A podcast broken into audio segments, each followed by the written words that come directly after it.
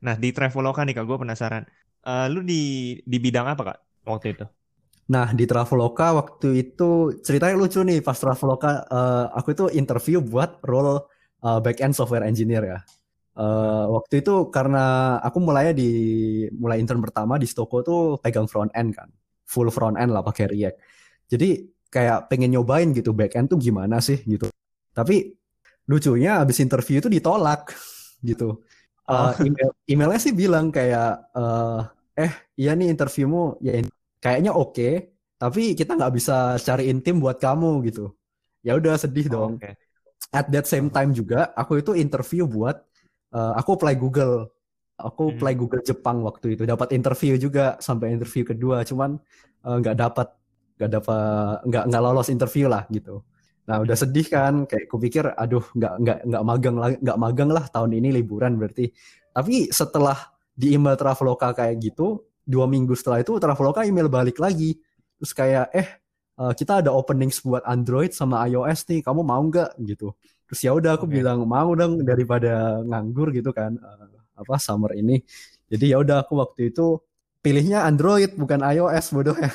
Harusnya aku pilih iOS sih karena aku nggak pernah pegang Mac kan nggak uh, nggak pernah pegang iOS juga selalu pakai Android semua hidupku belum punya duit uh -huh. apa buat beli MacBook, buat pakai iPhone dan iya. lain-lainnya.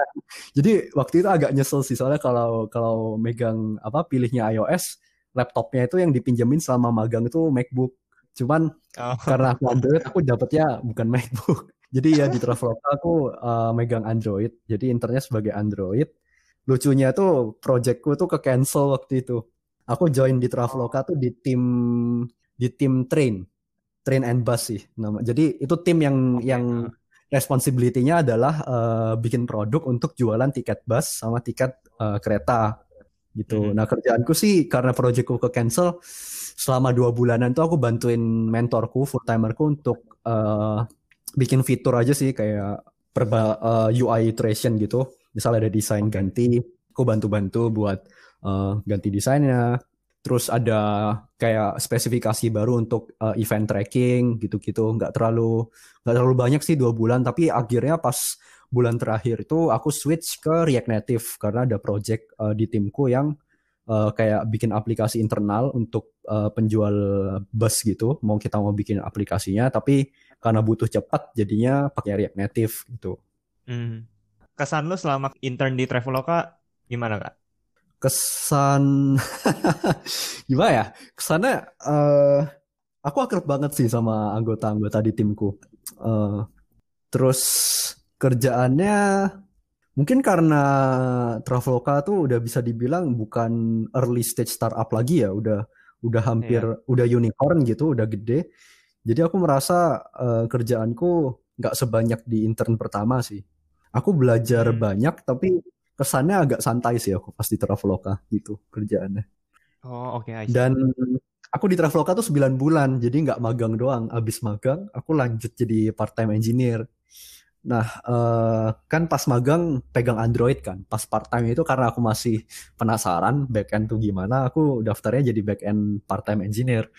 Jadi selama hmm. enam bulan uh, aku jadi aku pegang backend sih untuk uh, kerjaannya bikin API, yang dipakai sama front end buat ya itu untuk untuk jualan jualan tiket bus, jualan tiket train, lebih ke fitur-fitur baru sama maintenance sih gitu. Sama migrasi database gitu gitulah. Nah, cuman aku ya. mulai bosen. Intinya kayak aku ngerasa software engineering kok gini-gini doang sih maksudnya uh, oke. Okay yang ku kerjain itu lebih ke CRUD. Itu CRUD itu istilahnya create, read, update, delete di database. Jadi iya, iya. kerjanya uh. bikin API, bikin endpoint, terus akhirnya cuman kayak apa? Ngutak-ngatik data, masukin ke database, proses database, udah gitu doang kan. Jadi kayak kesannya bosen gitu. Terus aku bingung apa uh. apakah apa ini apa karir yang aku pengen lanjutin gitu kan.